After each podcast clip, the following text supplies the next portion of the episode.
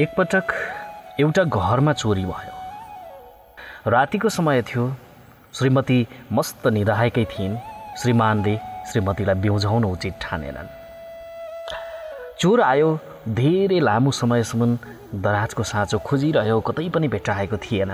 अन्तिममा मालिकका छेउमा टेबलबाट साँचो लिएर गयो। दराजबाट औँठी गौर गहना सुन चाँदी पैसा जे भएको सम्पूर्ण चिज उसको झोलामा हाल्यो र बिस्तारै घरबाट निस्कियो। चोर घरबाट बाहिर मात्रै के निस्किएको थियो मालिक घर बाहिर आए र चोरलाई ए बाबु एकैछिन पखन भने। चोर डरायो ऊ भाग्यो चोर जति भाग्छ मालिक उति खेदाउँदै जान्छन्। चोर जति भाग्छ मालिक उति खेदाउँदै जान्छन्। दुवैजनाको भागदौड लामो समयसम्म चलिरह्यो। अन्तिममा चोर अब भाग्न नसक्ने अवस्थामा पुग्यो। उसलाई आत्मसमर्पण गर्नु नै ठिक लाग्न थाल्यो र आत्मसमर्पण गर्ने निर्णय गर्यो टक्क उभियो। माफी चाहन्छु हजुर भनेर रुन थाल्यो कराउन थाल्यो। मालिक छेउमा आइपुगे टक्क उभिए।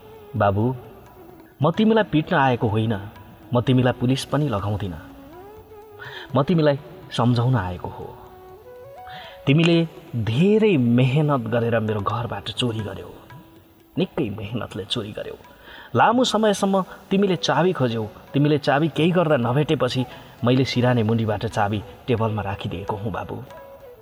र तिमीले दराजबाट निकालेका घर गहना सुनचाँदी त चिन्छौ होला तर त्यो औँठीमा भएको वस्तु हिरा हो बाबु।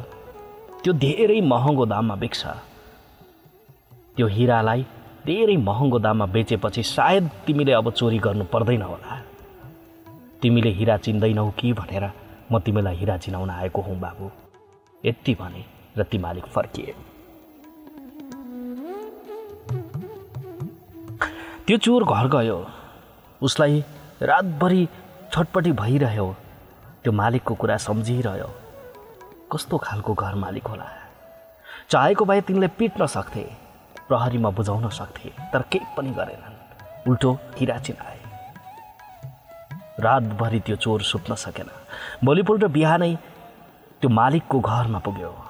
उसले चोरी गरेको सम्पूर्ण सामग्रीहरू मालिकलाई दियो र माफी माग्यो।